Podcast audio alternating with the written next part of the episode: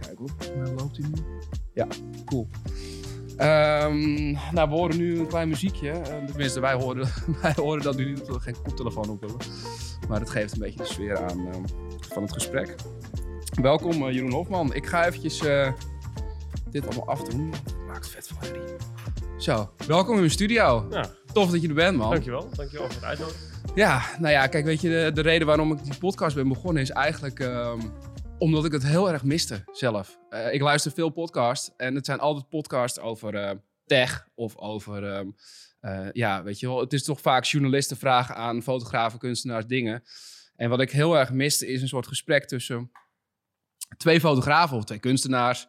En want je komt toch tot andere dingen, weet je wel. Een journalist heeft gewoon een vragenlijstje. En die, ja, die, die zegt toch, ehm, eh, of die heeft een soort van research gedaan naar wie jij bent. Nou kennen wij elkaar een beetje, dus was het Ja. voor mij iets makkelijker. Ehm, maar wij, ik denk dat ik gewoon op deze manier toch tot andere gesprekken kom. Eh, ook omdat we een beetje in dezelfde hoek zitten, dezelfde kennis hebben. Ehm, en ehm, dat het misschien interessant kan zijn eh, voor mensen, die twee luisteraars die we misschien ooit gaan krijgen, weet je wel. Nou, die, ten eerste heel erg bedankt voor de uitnodiging. En waarom ik meteen ja heb gezegd is eigenlijk omdat ik ben al eh, best wel lang fotograaf. Ik vind het ook heel erg leuk om te doen. Maar wat ik wel af en toe merk is dat het eh, ook een heel individueel beroep is. Ehm, dat fotografen onderling eh, elkaar vaak alleen spreken op openingen, borrels en nooit eens in rust. Als het echt gaat over passie, over toewijding, over hoe je bepaalde dingen aanpakt. Ehm, veel creatieven zijn vaak gebonden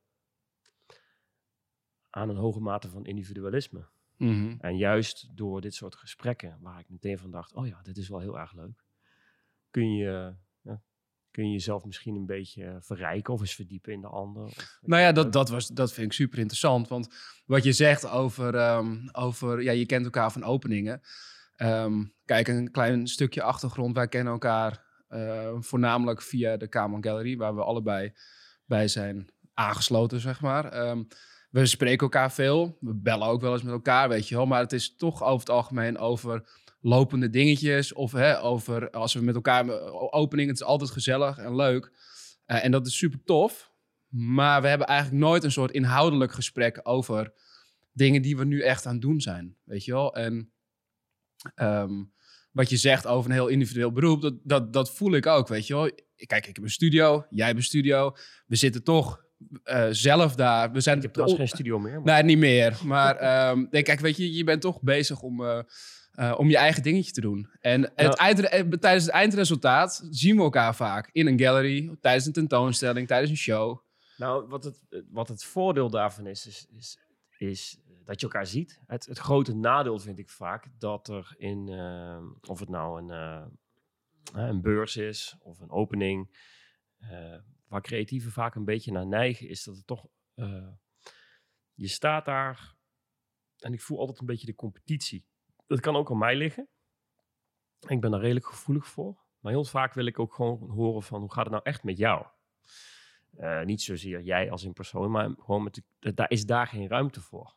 En ehm, hè, de- toen je mij uitnodigde voor deze podcast, toen dacht ik echt van, oh ja, maar nu kunnen we de diepte in, weet je wel. Ja, nu precies, kun je ja. echt, eh, het, is vaak heel oppervlakkig als je elkaar tegenkomt, inderdaad op een beurs of bij een opening. Of het wordt toch, ja, om oneerbiedig te zeggen, soms heel klein beetje een verpiswedstrijd. Mensen zijn zenuwachtig, hè, het gaat om verkopen, het gaat om wat je net nieuw gemaakt hebt.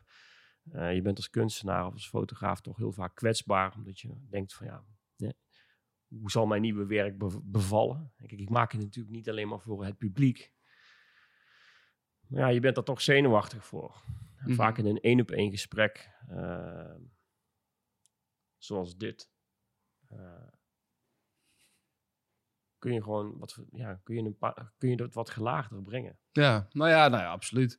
Kijk, en eh, dat, dat viel me wel op. ehm, ehm, normaal gesproken in alle projecten die ik doe en shoots die ik doe, doe ik juist geen research. Als ik een, een portret moet maken van iemand in opdracht, dan vind ik het juist fijn om niet heel veel over iemand te weten, omdat het ook wel heel erg ehm, je eh, visie kan sturen dan. Weet je wel, je kan heel erg een bepaalde kant op gaan, terwijl dat voor mij heel erg gaat om op dat moment een, een, een, een, een, goed portret schieten van iemand. En dat, dat heeft niks te maken met wat iemand in zijn leven gedaan heeft. Voor mij voel ik dat. Nou, en net, net wat, ik, wat ik net al zei, van ja, wij spreken elkaar wel. Maar nu, voor die podcast, dacht ik, het is toch wel handig om even een beetje te gaan kijken van wat heb jij nou allemaal gedaan?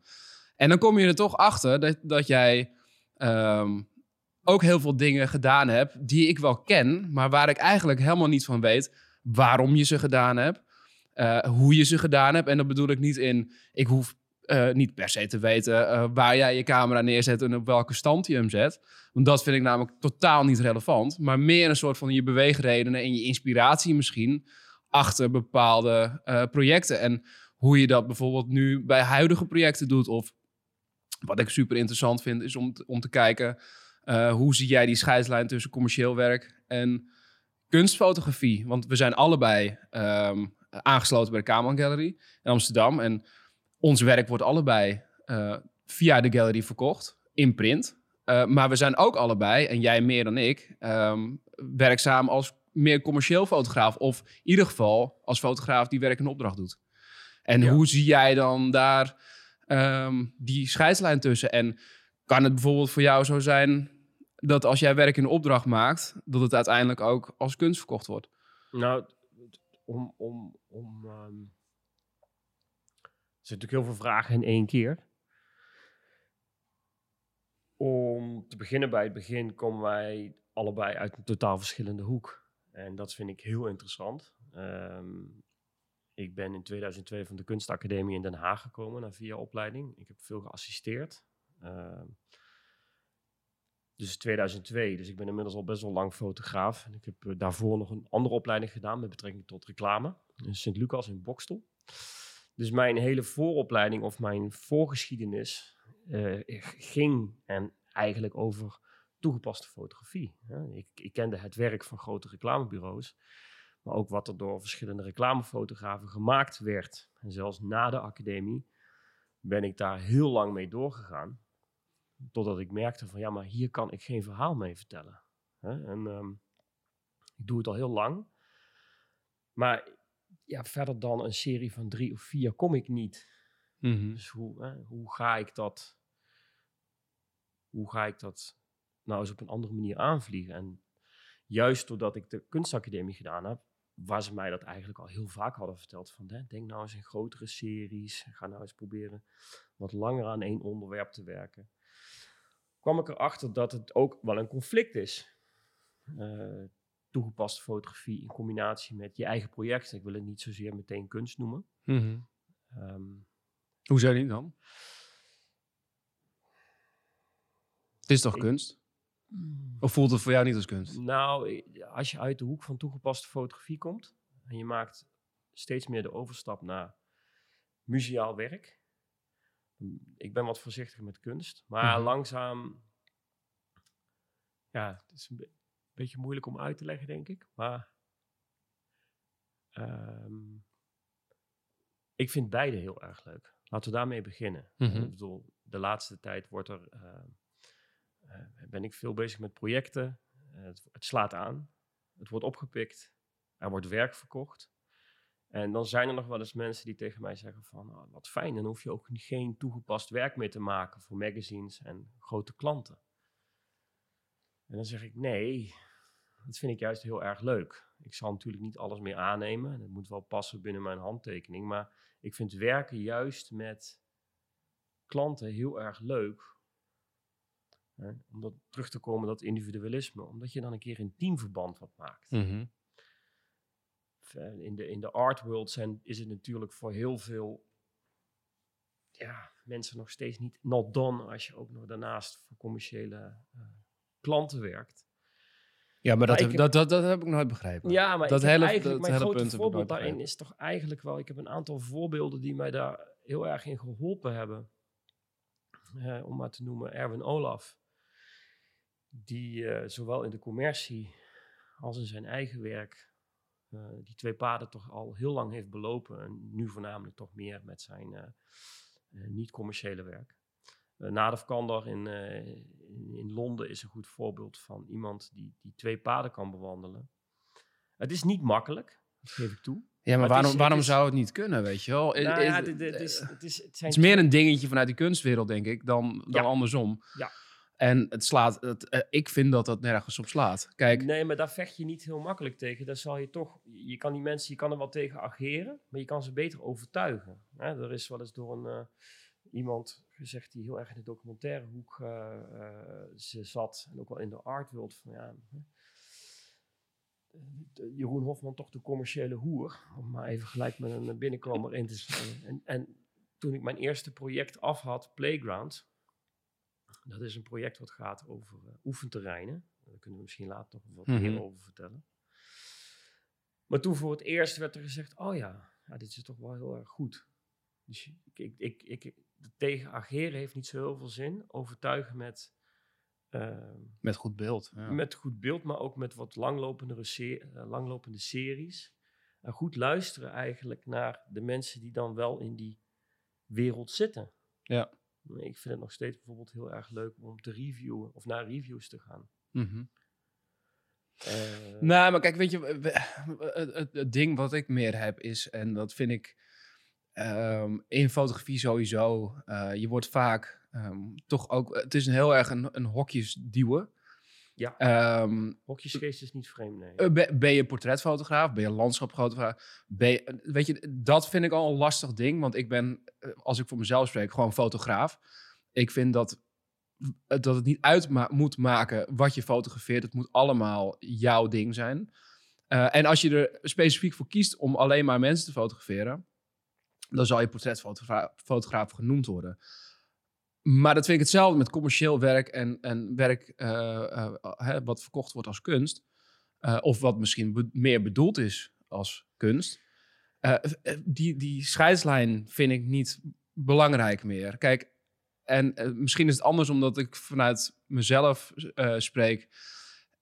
Mijn, ehm, hoe ik de fotografie ben ingekomen is anders dan dat jij dat hebt gedaan. Kijk, dat je- vind ik het meest interessante waarom wij hier met z'n tweeën zitten. Ja, jij, jij bent uit een commerciële hoek gekomen. Hè, als je dat maar zo maar moet noemen dan. Ehm, en ehm, eh, waarbij je nu ook via de Kamerman Gallery, hè, hoe we elkaar kennen, dan je werk verkocht wordt. Bij mij is het juist andersom gekomen. Eh, ik ben eigenlijk die wereld ingekomen eh, in, in de kunstkant. Absoluut. Ehm, en door persoonlijke projecten te doen en vrij werk te maken, dat werk heeft, eh, wat, hè, dat werk is wat, er- wat er bekend is van mij. En doordat het bekender is geworden, komt nu werk in opdracht erbij. En dat is, om, om terug te gaan naar jou. Wat mij heeft verbaasd is dat je, eh, vol- volgens mij vijf jaar terug, zoiets, vijf jaar terug ben je bij de galerie gekomen.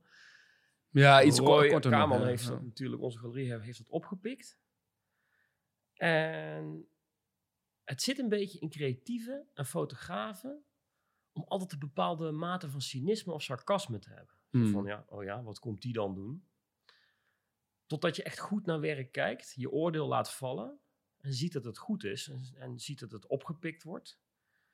En dat er eigenlijk een hele hoge drive van uitgaat. Het is niet dat ik zozeer dat ik je een veer in je reet wil steken, maar meer dat ik dacht van, hé, hey, maar in plaats van te kijken naar anderen en ook een bepaalde jaloezie mee te hebben, kun je beter zorgen dat je je eigen, eigen drive weer wakker maakt. Ehm, ik vind het juist heel erg leuk om te zien dat jij via die andere kant binnenkomt.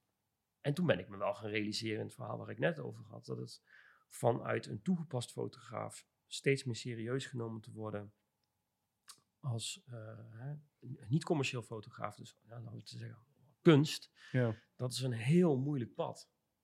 Maar dat, ja, dat lukt. Hè, zo, zo- ja, tuurlijk. Je, zolang je maar één handtekening hebt, daar trouw aan bent. Ik heb ook het advies gekregen, je doet portret en landschap en voor de rest niets. En dat vind ik, voor mezelf is dat eigenlijk wel heel duidelijk. Geeft rust dan. Het geeft wel rust inderdaad. Maar het zorgt er ook voor, als ik dan zie hoeveel series en hoe jij werkt en hoe professioneel. Dat in plaats van daar met een schuin oog naar te kijken, kun je het omarmen. Kun je zeggen van oké, wat zou, hoe zou ik het nou beter aan kunnen pakken? Ik leer ook, ik doe het natuurlijk veel langer dan jij. Maar ik leer eigenlijk nog steeds elke dag, omdat ik mijn vizier open hou. En dat is wat Mhm. heel veel fotografen... Fotograaf is niet een makkelijk beroep. Hè. Fotograaf worden is één, zeg ik altijd. Fotograaf blijven is veel moeilijker. Mensen raken heel vaak... Ja, er is ook een bepaalde verwachting. Wordt er, Ja, maar het er- verwachtingspatroon is vaak te hoog. Eh, mensen raken snel gedesillusioneerd van... nou, als het morgen niet komt, dan zal het wel nooit komen. Ja. Ik ben er nu tien jaar over aan het doen om... Hè, omdat mijn, mijn niet-commerciële werk steeds belangrijker wordt en aanslaat. En dat gebeurt nu. Mhm. Dat is best wel een traag proces is dat. Maar ik vind het ook vooral heel erg leuk om te doen. En die drive en die zin om het te maken, die zie ik bij jou ook. Want dat vraag ik me dan wel eens af. Hè? Ik, bedoel, eh, ik zie jou, jouw Instagram-volgers en ik zie de reacties op je werk. En dat dat is niet zo van, oh, leuk plaatje, maar dat gaat echt inhoudelijk best ver. Maar hoe, hoe is die druk van buitenaf op jou? Je, hebt, je hebt nu eh, drie galeries, een vierde erbij. Ehm, er is enorm veel, dat lijkt me, ja, er is enorm veel druk. Want hoe ga je daarmee om? Je bent in een recordtempo, ben je natuurlijk echt heel hard gegroeid. Nou, ik, ik voel persoonlijk die druk niet heel erg. En dat, is misschien, dat heeft misschien ook met mij als persoon te maken, denk ik dan. Ehm, kijk, weet je, vanaf het begin af aan ehm, doe ik gewoon wat goed voelt voor mij. En ehm, op de een of andere manier eh, vallen dingen dan op zijn plek. Weet je, dat is. Dat is Ik, dat is niet. Ik, ik weet niet waar dat aan ligt. En omdat ik gewoon altijd eh, dat kan doen, eh, voel ik die druk niet heel erg. En zit er ook, en dat, dat, dat moet je beamen, dat vanuit de gallery ook geen druk gelegd wordt op: hey, we hebben nieuw werk nodig. Of hey, we hebben. Dus ik kan redelijk vrij eh, werk maken. En omdat ik zoveel vanuit mijn eigen drive maak, ehm, is er ook veel om te laten zien. Ehm, kijk, op het moment dat jij vastzit in je studio en je denkt: ik weet niet meer wat ik moet doen, dan wordt die druk hoger. Omdat je dan voelt van: hey shit, misschien ehm, hebben we net werk laten zien, is uitverkocht of niet. Of er moet nieuw werk gemaakt worden. En die drive, die komt bij mij heel natuurlijk, omdat ik nieuw werk wil maken. En omdat, het er dan, omdat ik dan heel veel doe, ehm, ja, is die druk er niet zo. Weet je, er wordt geen druk op me gelegd van buitenaf. Ik leg die druk gewoon heel natuurlijk op mezelf, omdat ik dat fijn vind om nieuw werk te maken. Kijk, Wa- waar heb je bijvoorbeeld geleerd om om te gaan als de reacties niet zo goed zijn? Want dat, dat weet je ook behoorlijk te pareren. Waar heb je het Ja, geleerd? kijk, weet je, dat- ben je dat- zo of heb je het, heb je het voordat je Nou ja, kijk, weet je, tuurlijk doet, doet eh, ehm, ehm, kritiek doet je natuurlijk altijd wel wat. Maar ook daarin denk ik dat het weer mijn persoon is, dat het me niet lang eh, eh, achtervolgt. Weet je, ik heb zoiets, nou ja, oké. ehm, weet je wat, weet je wat Doe je, ik, doe je er wel eens wat mee? met, met kritiek? Ja? Tuurlijk. Verander je wel eens van werkwijze? Of... Nou, nou, niet per se omdat iemand anders dat eh, een mening daarover heeft. Het doet je wel nadenken over wat je allemaal aan het doen bent. Ehm, maar het is niet dat als één iemand zegt van hé, hey, eh, een bepaald werk of een bepaalde richting, dat, dat, is, dat vind ik helemaal niks of dat past niet bij. Dan ga ik niet meteen denken, oh shit, nou nu ga ik helemaal eh, alles omswitchen of zo. En ik blijf altijd doen wat dicht bij mijn hart en bij mijn gevoel ligt. Eh, en dan kan het nooit in mijn ogen fout zijn. Weet je? Het is, gaat niet om goed of fout, maar ik merk juist, er zijn, er zijn drie mensen in mijn carrière die, die, die scherp van tong zijn. Eh, eentje is een, eh, iemand van de academie die daar hoofddocenten was. En die gaf mij toch een tip met gebruik van lenzen. Die was best fel. Toen dacht ik, waar bemoei je mee? Hmm. Dus dat ik te, een, een te wijde lens had om te fotograferen. En inderdaad, soms was het nog wel een storend effect. Een storend effect. Toen ben ik dat gaan veranderen. Toen dacht ik, ja, het wordt wel beter. Eh, Roy heeft me wel eens geadviseerd. Kijk nou eens, heel, verander dat nou eens. Ga, ga eens een beetje weg van documentaire en kijk eens of je het wat meer gewoon op zichzelf staand kan maken. Ja, oké, dat, dat heb ik ook wel ter harte genomen. Eigenlijk zijn de mensen die juist kritiek, als je dat ter harte neemt, Ja. dat is dus wat ik ook net zeg met reviews. Echt één keer per jaar kun je naar verschillende fotofestivals zoals Arle of dat zijn dan wel de beste moet ik zeggen of eh, Houston. Ik zou heel graag weer terug willen naar een review van mijn werk. En ik heb liever dat ze er dan een gat in schieten dan dat Ja. ze me omarmen en zeggen hier heb je een publicatie. Maar weet je wat het, eh, het grote eh, verschil daarmee is? Ehm, kritiek, kri- iedereen kan kritiek geven, maar als het je echt aangaat, dan heeft het ermee te maken met degene die dat geeft. Die, daar moet jij respect voor hebben. Snap je wat ik bedoel? Jij moet iemand, ehm, eh, dat heb ik tenminste zelf.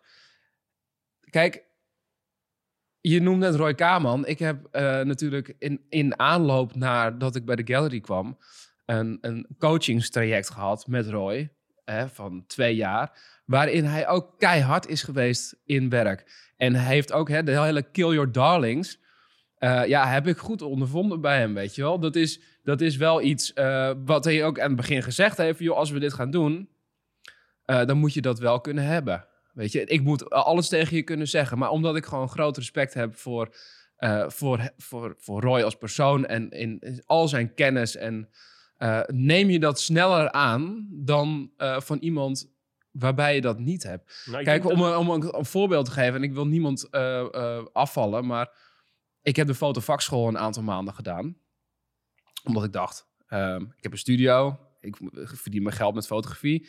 Ik zal dan ook wel een papiertje moeten halen, omdat ik dat heel erg vanuit mijn HBO-kant eh, dacht van, nou ja, weet je, dat, dat, dat zal vast dan wel handig zijn. Nou, ik kwam er heel snel achter dat ik dat vreselijk vond, die school.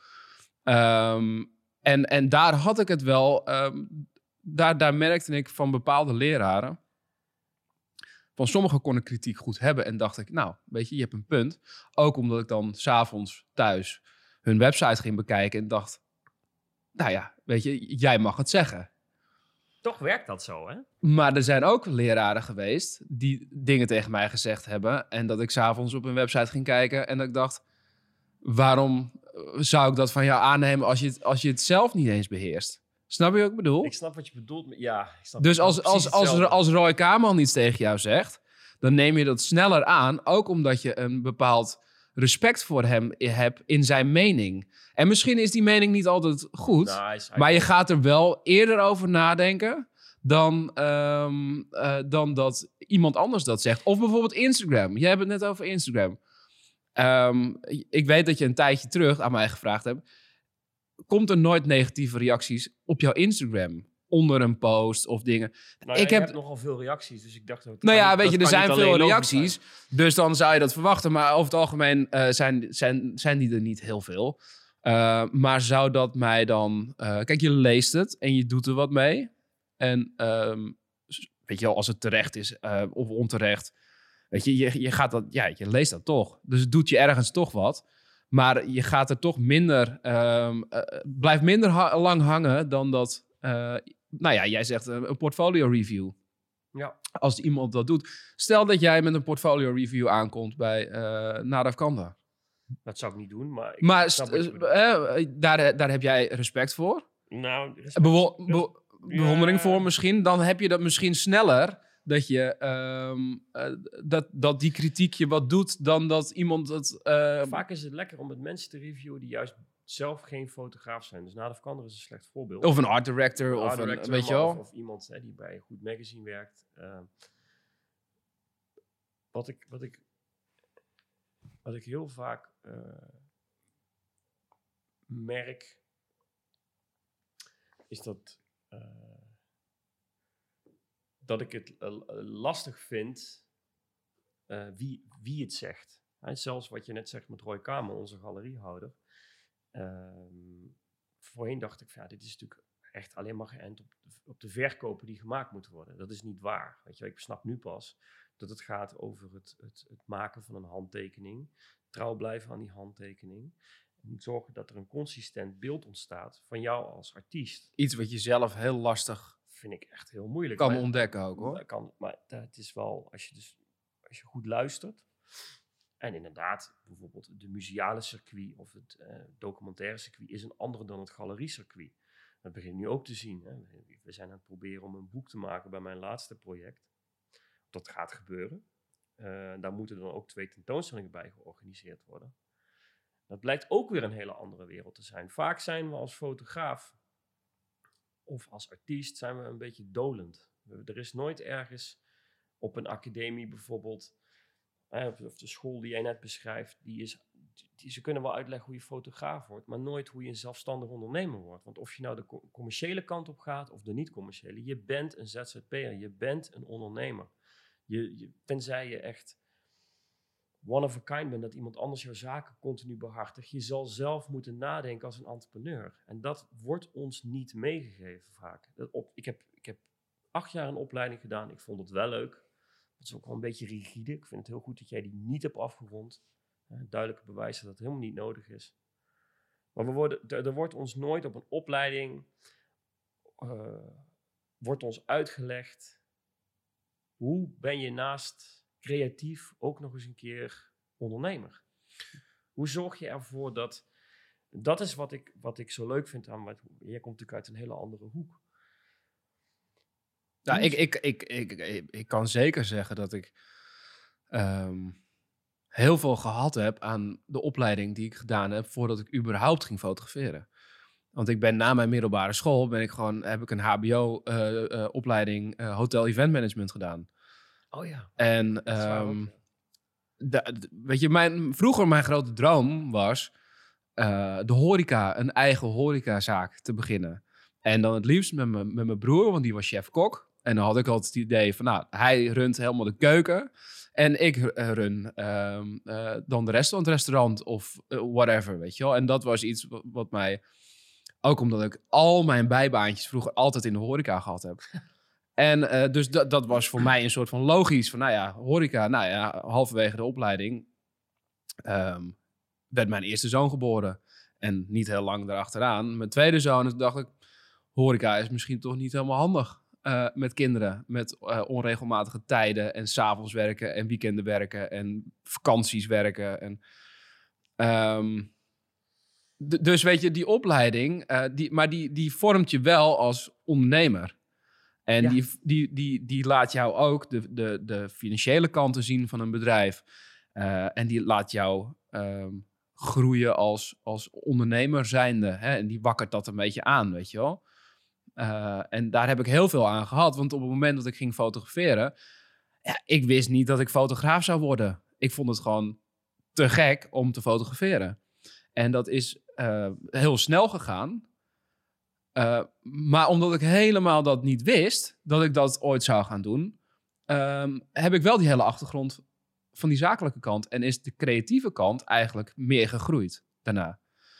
Dus, en ik merk nu dat ook naast de creatieve kant en naast uh, het, het, uh, het zijn van een fotograaf, die zakelijke kant er bij mij heel erg in zit. Ja, en dat helpt mij heel erg. Want um, ja, weet je, ik, ik kan ook gewoon uh, op uh, mezelf marketen, zou maar zeggen. Als, je, als je het zo kan noemen. Ik, ik, nou ja, via de social media. Heel veel, ik merk aan heel veel fotografen. En het was wel grappig. Ik heb laatst een interview gedaan met PF, het, het vakblad. en dat ging helemaal over Instagram. En daar werd de vraag gesteld: hoe belangrijk is Instagram voor fotografen tegenwoordig? En er zijn heel veel fotografen die daar nog niet het belang van zien. En dat, dat kijk, ik eh, op ik mijn heb op, dat zelf, ik heb dat zelf ook onderschat. op mijn opleiding uh, hè, was marketing was een heel groot onderdeel. Alleen dat was toen nog veel traditioneler en was helemaal niet zo van de social media. Hè, dat is best wel een tijdje terug, waarin het niet zo booming was als dat het nu is. Maar leer je wel een fictief hotel, restaurant op te zetten. En hoe verkoop jij je hotel of restaurant? Maar om daarop in te. Marketing, technisch. Om... En dat, dat, weet je wel, tegenwoordig is het natuurlijk wel zo dat een fotograaf is een brand, is een bedrijf. Ja. En dat, dat was vroeger ook al. En vroeger zette je een advertentie in de krant. En nu doe je dat meer op, op internet of social media. En kan het veel organischer groeien, omdat je via Instagram je portfolio bijvoorbeeld kan showen, weet je wel? Nou, sterker nog, als we het hebben over toegepast uh, fotografie versus uh, de wat meer uh, art kant, dan is het zelfs zo dat in de toegepaste fotografie de eerste wordt gekeken naar hoeveel volgers je hebt op Instagram, voordat je de grote opdracht uh, ja. uh, mag aannemen überhaupt. Hè? Dus als het gaat over, uh, we gaan Cristiano Ronaldo portretteren voor Adidas, om maar wat te noemen, dan wordt er eerst gekeken van... hoeveel volgers heb je wel? Ja, hoeveel volgers heb je? Ja. En, ja, er kwam laatst, dat is wel heel grappig, er kwam een heel verhaal laatst naar buiten van een fotograaf die schijnbaar voor Canon in Amerika een, een klus had binnengekregen. En een, een grote opdracht. En ehm, dat die een aantal uur later gebeld werd.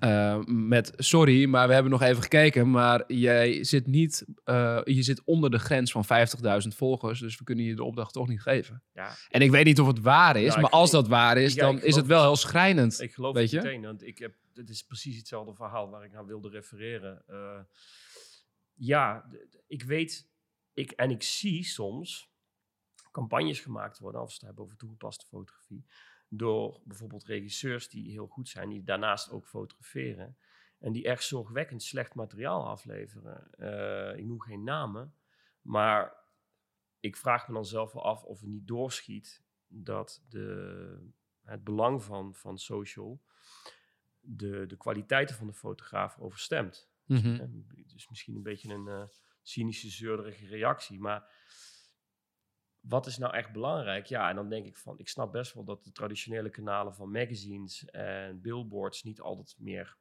werken voor klanten en dat ze daarom liever eh, de, de 2 miljoen volgers op Instagram eh, van diegene willen benaderen. Nou, het is voor hun ook gewoon gratis, Uiteraard. eh, gratis reclame. En dat zie ik, moet ik momenteel wel zeggen, in de, in de, in de, de niet toegepaste fotografie, in de artkant. Daar maakt dat gelukkig nog iets minder uit. Ja. Daar wordt er toch gekeken naar een wat selectiever publiek, die het werk wel echt op waarde kunnen schatten. Het werk wordt niet aangekocht omdat je eh 50.000 volgers hebt. Het werk wordt Nee. aangekocht omdat het een, in, eh, het heeft een, een waarde Gelukkig wel, want En mensen dat willen het ik- aan de wand hebben hangen. Of willen het in hun collectie hebben. in hun colle- collectie hebben. En gelukkig, ehm, om terug te komen waar we over begonnen, ik hoef geen overstap te maken van commercieel naar niet toegepast. Ik wil graag beide omarmen.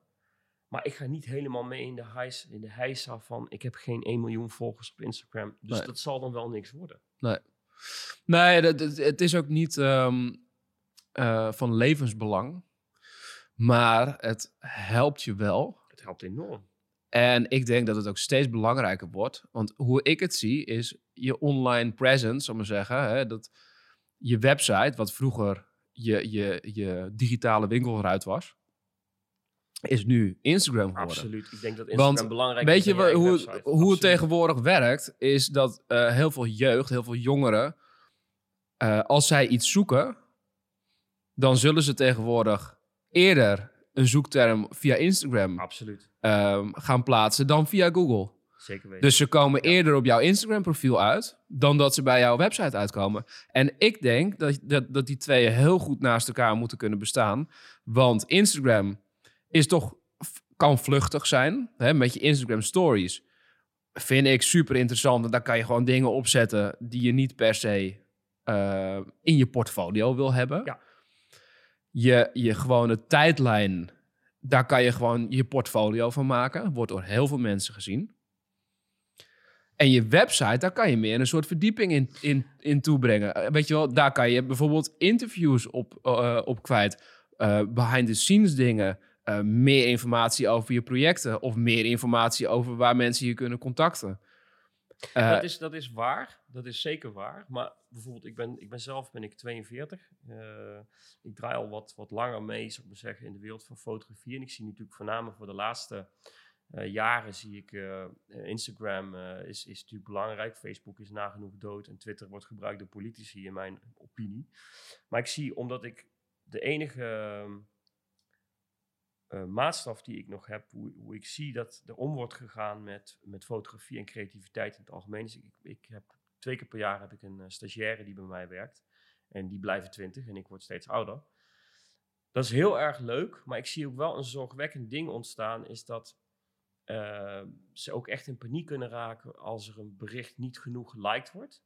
Dat de druk erg hoog wordt als ze niet genoeg volgers hebben op, eh, op Instagram. En dat ze eigenlijk, als ik het ze vraag, en daar, dat, dat is wat me wel een klein beetje zorgen baart. Ik zal dat deel moeten oppikken van Instagram. Eh, vind ik ook leuk trouwens. Eh, hè. Ja, ik vind het soms ook lastig. Dat je, wat moet ik er nu opzetten? Of maar gewoon blijf jezelf. Zorg dat je inderdaad iets over je werk, over je werkwijze. Eh, privé doe ik helaas wel op Facebook. Ik heb geen zin om foto's van mijn zoon op, op Instagram te zetten. Nee, ik doe, ik doe sowieso niks privé. Nee, maar dat het een open kanaal is. Maar waar ik mij dus zorgen over maak is, en, en dat is ook naar de luisteraars die deze podcast eh, beluisteren. En als je in de leeftijdscategorie bent van tussen de 20 en de 30 en je wil heel graag de fotografie in, dan zou ik je bijna willen meegeven, zorg dat dat sociale aspect van, van, hè, van social media, dat, dat, dat je dat gewoon goed geregeld hebt. Dat je site wel op orde is, want mensen klikken toch door vanaf Instagram Zeker. naar je site. Dus zorg dat dat echt op orde is. Ik heb bijvoorbeeld nu een website die is niet responsive, dus op mobiel niet goed zichtbaar. Nou, ga ik een nieuwe, dus er wordt nu een nieuwe voor gebouwd. Dus dat leer ik. Maar wat ik echt moeilijk vind, is dat de meeste 20-jarigen die bij mij st- stage lopen, geen presentatie kunnen geven voor 5, 10, 20, 30 en hopelijk later 400 man. Ze, dat is mijn, echt mijn allergrootste tip aan de luisteraars van, van deze podcast, die, die zelf de fotografie in willen. Ja, leren over je eigen werk praten. Blijf een ondernemer. Zorg Ja. ervoor dat je, al doe je het met kaartjes, al volg je een cursus met hoe geef ik een lezing. Er komt een dag dat dat dat- social media, dat gordijn, dat valt een keer weg. Dan zal je het moeten doen voor een groep van 10, 20. Ik heb het gedaan voor een groep van 400, en zelfs meer. Daar zal je je toch, eh, omdat je je vaak kan verbergen achter social media, word je ook eenkenniger. Dus je zal jezelf Ja. moeten leren, al begin je met je familie of je vrienden. Zorg ervoor dat je jezelf ook verstaanbaar kan maken buiten die sociale Zeker, en, en dat is super lastig. ehm, want dat ik net bij de gallery kwam, werd dat, nou ja, het wordt niet van je gevraagd. Maar het komt wel eens voor dat er bijvoorbeeld een, een Young Collector Circle of eh, eh, er komt een groep mensen naar je werk. Ja, die willen toch wat over je werk weten. En ehm, ik vond dat in het begin super lastig. Ehm, maar ik ben, en dat is ook eigenlijk de hele eh, manier waarop ik in de fotografie beland ben. Je moet dingen doen om ze te kunnen leren. Ik heb geen opleiding gehad voor, eh, tot fotograaf. Ik ben gewoon aan de slag gegaan. Ik heb gewoon eh, de studio waar we nu in zitten, de benedenverdieping gehuurd. En mijn eerste portret in opdracht heb ik de fotograaf gebeld waarvan die studio was. En ik heb gezegd, ja, ik heb geen idee hoe dat licht hier werkt. Hij zegt, nou, dat is heel makkelijk. Je zet hem aan, je maakt een foto en als die licht is, zet je hem donkerder. Nou, zodoende ben ik gewoon dat zelf gaan ontdekken. En dat is hetzelfde met, ehm, met spreken voor het publiek. Je moet dat gewoon gaan doen. En in het begin is het super ongemakkelijk. Eh, en ik, ik heb altijd gezegd, joh, lezingen en zo, dat is allemaal niks voor mij, weet je wel. Maar ik ben het nu de afgelopen jaren gaan doen. En, nou, verdomd, ik vind het best leuk worden ook, weet je wel. En je wordt er beter in, dan ga je het leuker vinden. Nou ja, en ik bedoel, kom op, we zitten nu allebei in een microfoon te praten. En er luisteren nu nog twee mensen. Maar eh, misschien over een tijdje eh, niet meer. Dan zit je ook weer voor publiek te praten. Het is gewoon, ik vind het gewoon belangrijk. Het spreken voor publiek. En ik heb een zoon van zes. Hij hoeft voor mij niet eens zijn HAVO af te maken. Als hij maar leert zichzelf verstaanbaar te maken voor een grote groep mensen. En natuurlijk geen onzin uitkraam. Maar dat hij zichzelf kan presenteren. Ehm, dat vind ik echt heel erg belangrijk. En eh, Ja, wat je, welk beroep je ook kiest. welk beroep je ook kiest, of je inderdaad, zoals jij eerder vertelde, de horeca ingaat, of je wordt galeriehouder, of je wordt eh, directeur van een, eh, van een reclamebureau. Het helpt je in sollicitaties. Het Alles. helpt je in Leer presenteren. geld ophalen voor nieuwe eh, ideeën, projecten, bedrijven. Maar ook aan, aan scholen, weet je. Ik heb op een school gezeten, dat was dan in Sint-Lucas, in Boksel toen nog. Daar leerden we bij de les Nederlands. En ik zou echt, eh, ik zou nog wel willen weten hoe die man ook alweer heet. Want dat heeft hij mij zo goed mee geholpen. Die leerde ons aan de hand van kaartjes, door middel van een inleiding, een midden en een slot. Een paar steekwoorden leerde hij ons om gestructureerd in, binnen de tijd die daarvoor aangegeven was, om een goede presentatie te geven. Want dat is alles. Je, het heeft niks te maken met, ja, dan ben je commercieel. Kijk, je kan inderdaad als de kunstenaar wel achter in een hutje op de hei gaan zitten en daar fotograferen of schilderen, maar daar zijn er maar heel weinig van. Helaas zal je jezelf ook moeten kunnen presenteren. In Ja. welke tak van sport of in welke tak van fotografie of in welke tak van creativiteit je ook zit, dat is het aller, aller, allerbelangrijkste. Ja, maar het is ook nog eens een keer zo dat... eh, want we hebben het er nu over alsof het een moedje is. Nee, het is ook Het leuk. is leuk het is om over je eigen leuk. dingen te praten, weet je wel. Want het, het brengt je ook, dat heb ik gemerkt, het brengt je ook eh, tot... eh, het, het zet je aan het nadenken over wat je aan het doen bent, over wat je gemaakt hebt. Want ik weet niet hoe dat met jou zit. Ik, ik heb soms dat, dat er beelden ontstaan. Kijk, ik ben niet een, een, een fotograaf die op concept werkt. Ik maak geen moodboards. Ik doe niet aan concepten. eh, wat trouwens heel, nog wel eens lastig kan zijn voor werk in opdracht. Maar dat terzijde. Ehm en heel veel dingen ontstaan er bij mij. En als mensen dan vragen, "Maar waarom heb je dat beeld dan gemaakt? Dan weet ik het vaak niet eens. Weet je, dat is ontstaan. En dat heeft natuurlijk allemaal redenen. En dat komt ergens vandaan. Maar als je het alleen maar maakt en ophangt... en je praat er niet over... dan ga je er ook niet over nadenken. Absoluut. En ik denk dat het super belangrijk is om ook je je eigen werk. We hadden het in het begin over kritiek. Maar om ook een soort eh, reflectie op je eigen werk te hebben af en toe. Zonder dat iemand anders daar zich bij bemoeit. Weet je wel? Eh, je moet zelf ook af en toe eens naar je werk kijken en denken: hey, ehm, is dit nog wel tof wat ik doe? Of is dit precies wat ik wilde maken? Of eh, welke kant wil ik op? En dat, dat, dat ga je niet zelf in je studio doen als niemand je ernaar vraagt. Of als je niet een soort van getriggerd wordt om erover na te denken, eh, doordat er een groep mensen staat. Want die groep mensen die staat er en die gaan het vragen. En als je dan niet over je eigen werk iets kan vertellen, ja, dan, dan val je toch wel een beetje door de mand. Weet je, dan heb je toch, nee, niet, misschien niet door de mand vallen, want sommige mensen weten het gewoon niet. Maar het, het, het maakt je werk er ook interessanter op. Zeker. Ik bedoel, jouw En spontane... jij als persoon ook, weet je? Zeker. Maar jouw spontane manier van werken zou ik, had ik eigenlijk wel eh, soms wat meer willen hebben. Ik heb een hele rigide manier van werken die, die, die wel steeds verder evolueert. Maar ik zou wel eens willen dat ik gewoon op een spontane manier een onderwerp, een camera, niet te veel toeters en bellen en gewoon prachtige dingen maken. Eh, mijn werk ontstaat toch vanuit een hoop, eh, is ontstaan vanuit een hoop ac- academische regels. Of van voorbeelden die in mijn hoofd ronddansen. Eh, als, als aan de luisteraar die fotograaf wil worden, of is.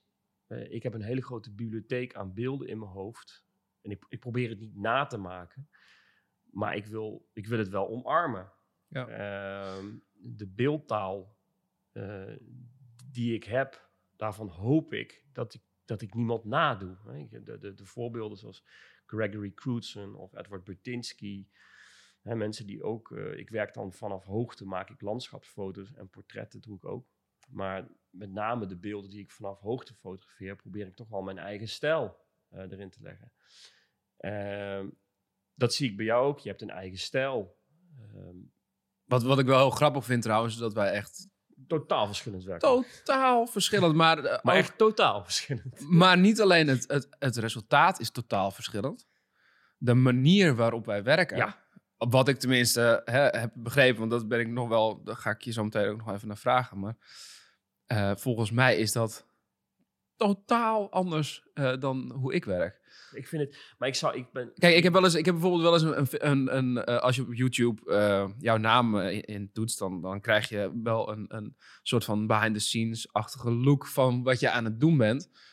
Ehm, en jij bent heel erg van je rust, langzaam werken, statief, hè, om het wat technisch, eh, alles op statief, technische camera's, Eh, rust, focus, eh, scherpte. Het eindresultaat is anders als je er technisch naar kijkt. Maar ook de hele manier hoe die foto tot stand komt. En zelfs misschien wat je nu dus zegt in de hele fase voordat je überhaupt een camera in je hand neemt. eh, is gewoon totaal anders. En dat vind ik super interessant, want ik, ik zou dat vreselijk vinden om op die manier te werken. Ik heb dan echt ehm, totaal niet... Kijk, bij mij is vluchtiger, is meer op gevoel, is meer ook een soort van... Ik heb soms ook geen idee wat ik aan het doen ben. En dat is, dat is ehm, soms heel gek en ook heel gek om te zeggen.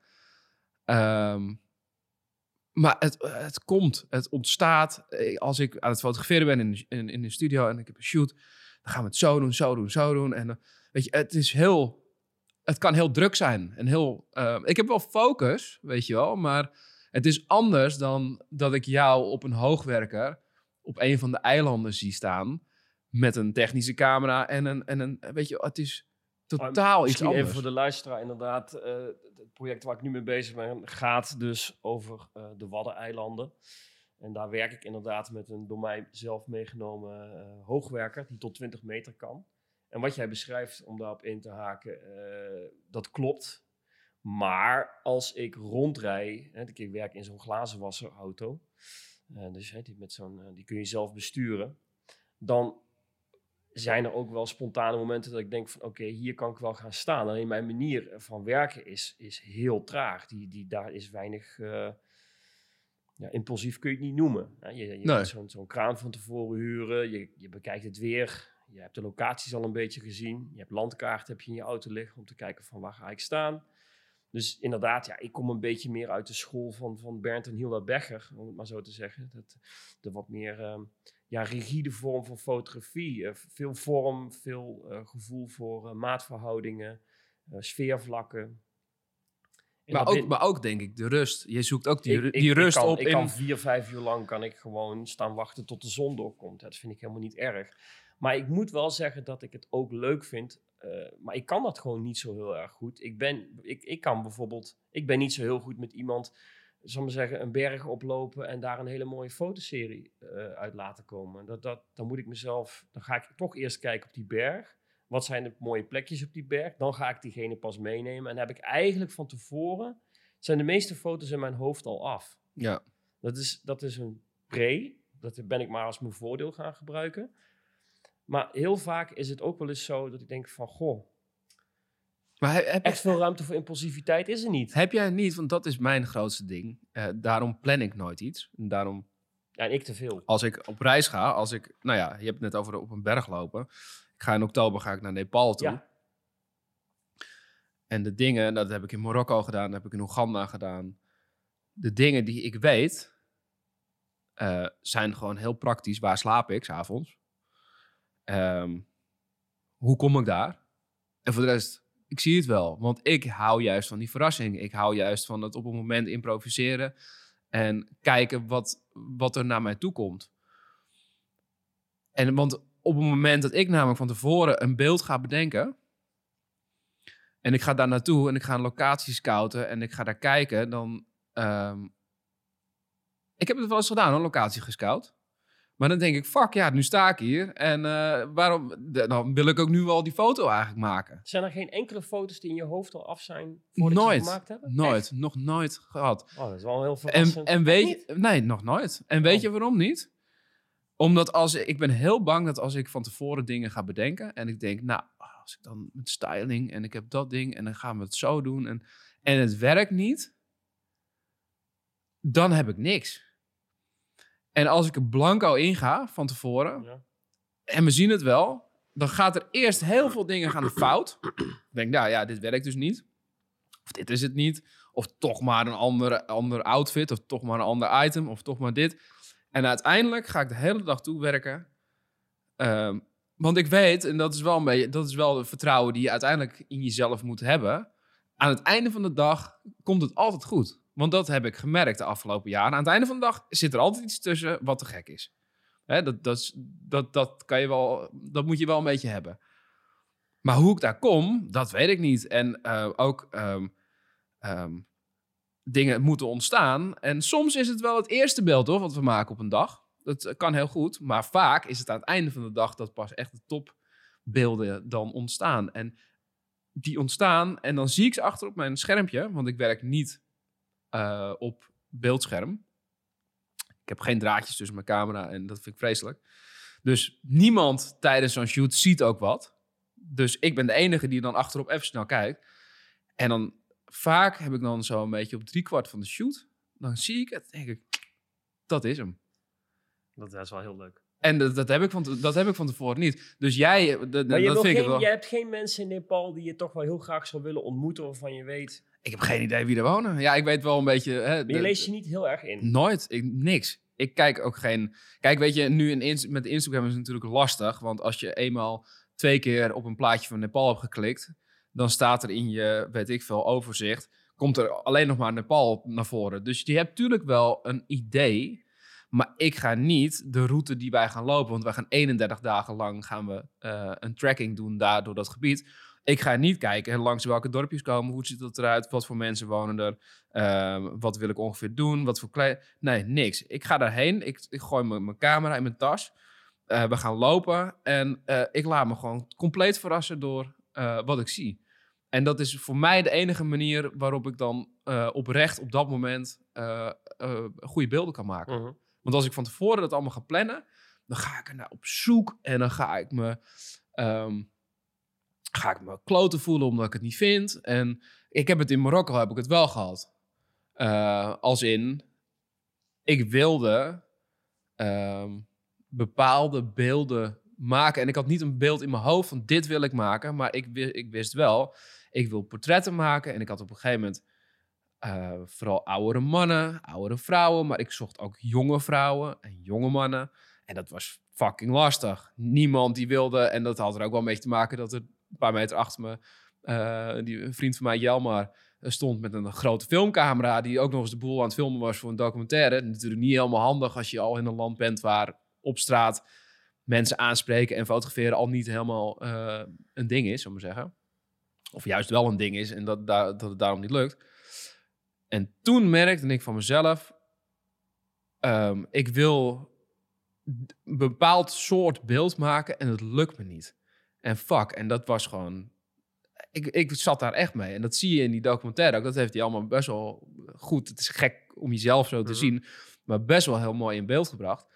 Dat je op een gegeven moment ook gewoon... En dat zal iedereen hebben. Want als jij een, een met je pro- project bezig bent... en je zet alles neer... dan zal je op een gegeven moment ook een, een vorm van een struggle eh, ervaren. Of misschien is het in de selectie achteraf. Of de, iedereen heeft een soort van dat meegemaakt. En ik had dat toen heel erg met een bepaald soort beeld maken. En het lukte me niet.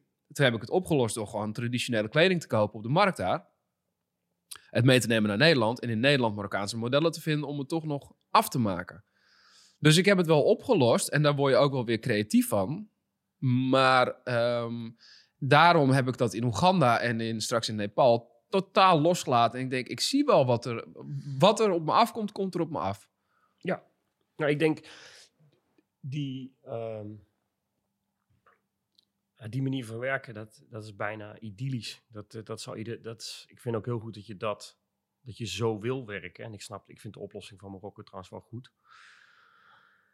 Ja, voor, voor mij werkt het gewoon dat ik constant, omdat het natuurlijk een heel groot project is wat ik aan het doen ben over de eilanden, dat het wegblijft van cliché. Maar dat ik ook het verhaal vertel aan de hand van een paar kapstokjes die ik heb wel moeten maken. Hè? Dus stilte, rust, maar ook de drukte. Eh, al die eilanden zijn bijvoorbeeld heel eh, overspoeld door toeristen. Jij zal daar wel iets, ik wil daar wel iets mee doen. Dus gaande, nou, ik blijf constant, mijn projecten die zijn, bestaan straks uit gemiddeld zo'n 400 foto's. Ik vind het ook heel belangrijk om bepaalde kapstokjes te maken. Dat, voor mij werkt dat wel, zoals bijvoorbeeld eh, de, de aankomst en het vertrek op een eiland. Hè. Je blijft toch, het zijn vierkante meters waar ik naar werk. Eh, eh, grote drukke scène, dat kan een, een, een motorrace zijn of een stranddag. Of dat kan een zeilwedstrijd zijn waar iedereen zich voor klaarmaakt in de haven. Het, het moet wegblijven van toeristisch documentair.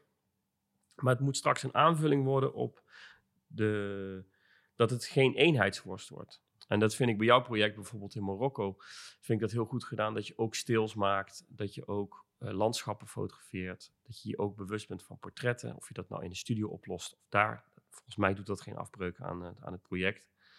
Ehm, voor mijzelf ben ik juist ook omdat ik meer naar jouw werk ben gaan kijken. Denk ik van laat je nou ook eens verrassen. Rij eens een extra rondje met je hoogwerker en zet hem eens ergens neer en ga eens omhoog.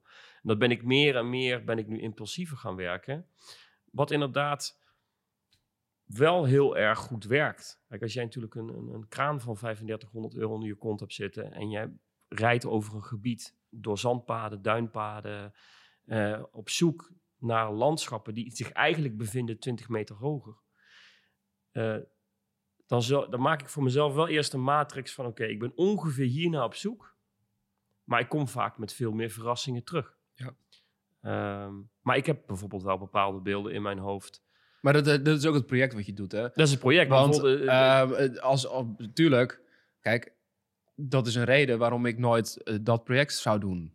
Even om Ja, het, jij zou, ik zou omdat het voor mij gewoon te veel, eh, te veel van tevoren... eh, weet je, je zoekt natuurlijk onbewust ook je projecten op Zeker basis van hoe je werkt. zeker weten. Weet je? En ik werk graag ook in Nederland, omdat het gewoon heel veel hassle is van met de manier waarop ik werk om dat te doen in het buitenland. Maar het zou wel tof zijn. Ik Kijk, want we- zou voordat- heel graag, voordat we- eh, in Japan met zo'n kraan rondrijden, maar ten eerste daar heb ik het budget niet voor, nog niet. Eh, en ten tweede... Hele kleine kraantjes heb je daar. Hè? Ja, Ja. je Gaat ook, niet zo, gaat ook niet zo hoog. je moet heel comfortabel zijn natuurlijk met, met, met wat je doet. En ik ben, ik ben ooit begonnen in het buitenland. eh, op een boot in de Beringzee ben ik vissers gaan portretteren, heel lang geleden. En mijnwerkers in Wales. En ik kwam elke keer terug en toen dacht ik, ik mis iets. Ik, ik, ik, ik ben veel te veel bezig met de reis aan zich en niet met het beeld wat eruit komt. Omdat ik, ik, ik heb van tevoren dus iets wat af moet zijn in mijn hoofd. En ik kon het niet ik kon, wat ik vaak wel kon waarderen op een academie is dat ik iets maakte. Het was dan weliswaar voor school. En dat een leraar zei, en nou nog een keer. Ja, maar dit is toch af? Nee, nog een keer. En dat mis ik vaak ook bij wat, wat de jeugd nu doet. Is, ga nog een keer terug. En ga nog een keer terug. En ga nog een keer terug. Soms maak ik een landschap zes keer overnieuw. Omdat het net niet helemaal goed is. En het wordt echt waar... Soms is het ook, ik heb laatst één landschap nog een keer gedaan. Dat werd niet beter. Er zat te veel mist in. Of het werkte niet. Dat is ook goed. Ja. Maar voor mij werkt het om terug te gaan naar het onderwerp en het nog een keer te doen. Eh, om te kijken van hoe kan ik het verbeteren of hoe kan ik er Nou ja, wel- laagheid in aanbrengen. Wel grappig, de, de vriend van mijn moeder is kunstschilder, doet heel veel landschappen, werkt toevallig ook heel veel op de eilanden. Ehm, en ik ben wel eens, eh, ben natuurlijk meerdere keren in zijn atelier geweest. En die, als je, weet, als je, je wil niet weten hoe vaak een schilder zijn schilderij opnieuw schildert. Fantastisch. En dan heeft hij, dan, dan, eh, ik ben er wel eens geweest en dan had ik dat, weet je wel, een dag en dan pra- prachtig mooi landschap. En zei, ja, te gek. En dan kwam ik een, een week later terug en stond hetzelfde doeker met, tota- met een totaal ander landschap. Zei, waarom hebben we gedaan? Ja, dat, dat werkte niet. Toch niet. En dan toch iets anders. En dus dat is dan wel, eh, kijk, en de schilder die doet het te, te, te plekke met een doek. Wij moeten dan weer terug naar dezelfde plek, maar Ja, maar en dat is dus, die schilder laat dat doek, laat hij dus, ja, die, die vind ik een mooi voorbeeld. Die schilder laat dat doek in zijn atelier staan. En jij komt een week later terug. En jij bent de enige die gezien heeft dat hij dat doek veranderd heeft. Als je nu kijkt naar wat eh, mensen op Instagram bijvoorbeeld doen, om weer terug te komen waar we het net over hadden. Zo, klaar, pop, en we zetten op Instagram. Niet even laten sudderen in een pannetje, niet even in je hoofd laten ronddolen, niet even met rust laten. Mensen die zoeken op de computer meteen Ja. negatieve uit. Ik kom natuurlijk nog het, het werkt zel- soms zelfs zo dat mensen met hun telefoon dingen maken. Ja, en het het, is- het is- meteen uploaden, weet je wel. Dat, en, dat is, maar dan heb je dus niet. Vroeger had, eh, ja, vroeger hoor mij, opa Hofman. Maar het is, het is, ik, had, ik had beelden klaar, dat was negatief. Dat kwam terug van het lab. Contactsheetje eh, contactsheetje, ja. En dat liet je even rusten. En vaak als ik terugkom van een shoot, dan laat ik het een dag of twee even rusten. Dat mijn hoofd tot rust komt, dat ik er weer vers naar kan kijken. En ik omarm de digitale eh, fotografie met alles. Want ik zou nooit meer terug willen naar paard en wagen. eh, met alle respect naar de mensen die analoog fotograferen. Maar voor mij is dat het medium. Maar ik denk nog wel steeds, maak niet te veel. Kijk goed. Ik denk nog steeds in rolletjes van 12. Zoals ik met Hasselblad ook fotografeerde. Ik denk nog steeds, ik heb maar één vlakfilm. Denk goed na voordat je de trekker overhaalt. Dat zorgt ervoor dat je één wordt met je onderwerp. Als je maar gewoon lukraak gewoon op de automatische piloot gaat schieten en denkt, er zal wel wat bij zitten, dan wordt het niet goed. Dat is precies hoe ik werk. Dat, dat is, dat is, nee, maar goed, voor mij werkt ja, het ja, zo. nee, maar ik wil snap je, gewoon, ik snap je. ik wil gewoon nadenken wat ik doe, weet je. Ik heb, Dat is ook wel een beetje kort door de bocht trouwens, want ik, ik doe niet maar wat en dan kijken of er nee, wat tussen zit. niet. Maar ik heb wel, en dat is ook... Ik heb het Dat heeft, dat heeft ook met je onderwerp te maken. Tuurlijk, een, maar jij zet de camera niet op burst. Een landschap beweegt niet zoveel. Mijn modellen in studio's Tuurlijk. bewegen vaak wel veel. Dus, ehm, nou ja, weet je, het, het, het, dat is een technische beperking, dat zal je weten. We werken allebei met Phase One, dat zijn super lastige eh, of super slome camera's. Dus als ik in burst schiet, dan is het een beeld per seconde. Ja. En kijk, weet je, ik, ik maak wel veel beeld. Als ik een, een shoot heb over een hele dag en we zijn met ehm, portretten bezig, of we zijn fashion aan het doen, of we zijn ehm, whatever, dan eh, schiet ik zo 800 beelden op een dag. Eh, en kijk, ik, ik werk ook heel erg met, met scherpte, onscherpte. Eh, soms ligt dat gewoon niet goed. Ook daarin, technische beperking. Phase one is nog niet het allerbeste in de focus. Als je het sneller doet en het moet heel precies op een oog zijn... en de neus is al onscherp, dan, nou, dan heeft hij wel eens moeite mee. Dus ik, werk, ik schiet dan veel om tot wel een beeld te komen... ehm, Ja, wat, dat- dan, wat dan goed is, weet je ik wel. En het is met een landschap anders. Dat het fout. Ik zeg ook, ik, ik hang er geen waardeoordeel aan of de manier van werken als je veel beeld schiet dat het per definitie fout is. Ik zeg alleen, ik kom uit een achtergrond van analoge fotografie en daardoor merk ik dat ik, eh, ik heb ook nog beelden eh, eh, geprint in de donkere kamer. Je bent veel, je, en de manier van werken is voor mij toch een veel meer rust zit erin. Als je met een model werkt, natuurlijk, als ik portretteer, dan schiet ik ook meer beeld. Maar ik vind het zo jammer dat mensen, dat, dat nieuwe fotografen met name heel snel de drang hebben om het te willen laten zien. Ja. En jij maakt eerst de beeld, laat je ook even met rust. Dan ga je ook nog eens een keer, hè, dan ga je ook nog in nabewerking jouw eigen ding mee doen. Nou ja, sterker nog, als ik een shoot heb, dan komt het vaak voor dat ik pas een maand later Ja, de beelden af heb. Geweldig. En ik zie te vaak dat mensen heel graag willen laten zien. Het is een beetje vroeger, net zoals... Kijk, dan, dan is het een maand later is het klaar. Dan maak ik daar een selectie uit. Die selectie die gaat eh, vaak naar Roy toe. Zodat hij eh, kan zien of er iets tussen zit voor eventueel een nieuwe show. Dan gaat het vaak nog een week op, het, op de desktop. Gewoon laten staan. Dan stuur ik het naar de modellen toe. Nou, de modellen hebben over het algemeen, en dat is prima, de neiging als ze, als het binnenkrijgen om het meteen op internet te zetten. Hè, waar de afspraken over zijn dan. Eh, maar ik sla het dan op en komt vaak pas maanden later op mijn Instagram terecht, of niet. Ja, vind ik dat, maar dat werkt ook echt beter. Als je, als je, maar als je goed kijkt, hè, van jouw werk was laatst, eh, je hebt in Berg heb je natuurlijk een fantastische tentoonstelling gehad, eh, de kunsttiendaagse, en er was een, was een overzichtssheet, een contactsheet met al jouw beeld. En dacht ik, ja, over elk beeld is wel nagedacht, dat is zorgvuldig geselecteerd, met, met name keuze voor onderwerp, je selectie, niet alles maar erop willen zetten. Ik zie, weet je, ik ben ook vrij eenzijdig nu met mijn landschappen op mijn Instagram. Dus er moet af en toe ook wat making-of. En ik moet weer eens een keer terug naar portretten. Maar de diversiteit van jouw werk, maar ook de zorgvuldige selectie, die, die spreekt voor zich. En ik zie heel veel nieuwe fotografen. Die zijn een dag eh, eh, zijn ze naar Schotland geweest, om maar wat te noemen. En alles wat ze die dag gefotografeerd hebben, ver- verschijnt Ja, stelselmatig op social media. Ja. Dat werkt niet. Je kan niet met hagel schieten. Je kan niet ehm, hè, maar met een machinegeweer in het, in het rond te gaan knallen. Om te denken van, er zal vast wel iets zijn Nee, wat manier, blijft ja. hangen. Ja. Je gaat meteen, je, je glijdt uit. Ja. Dat merk ik ook.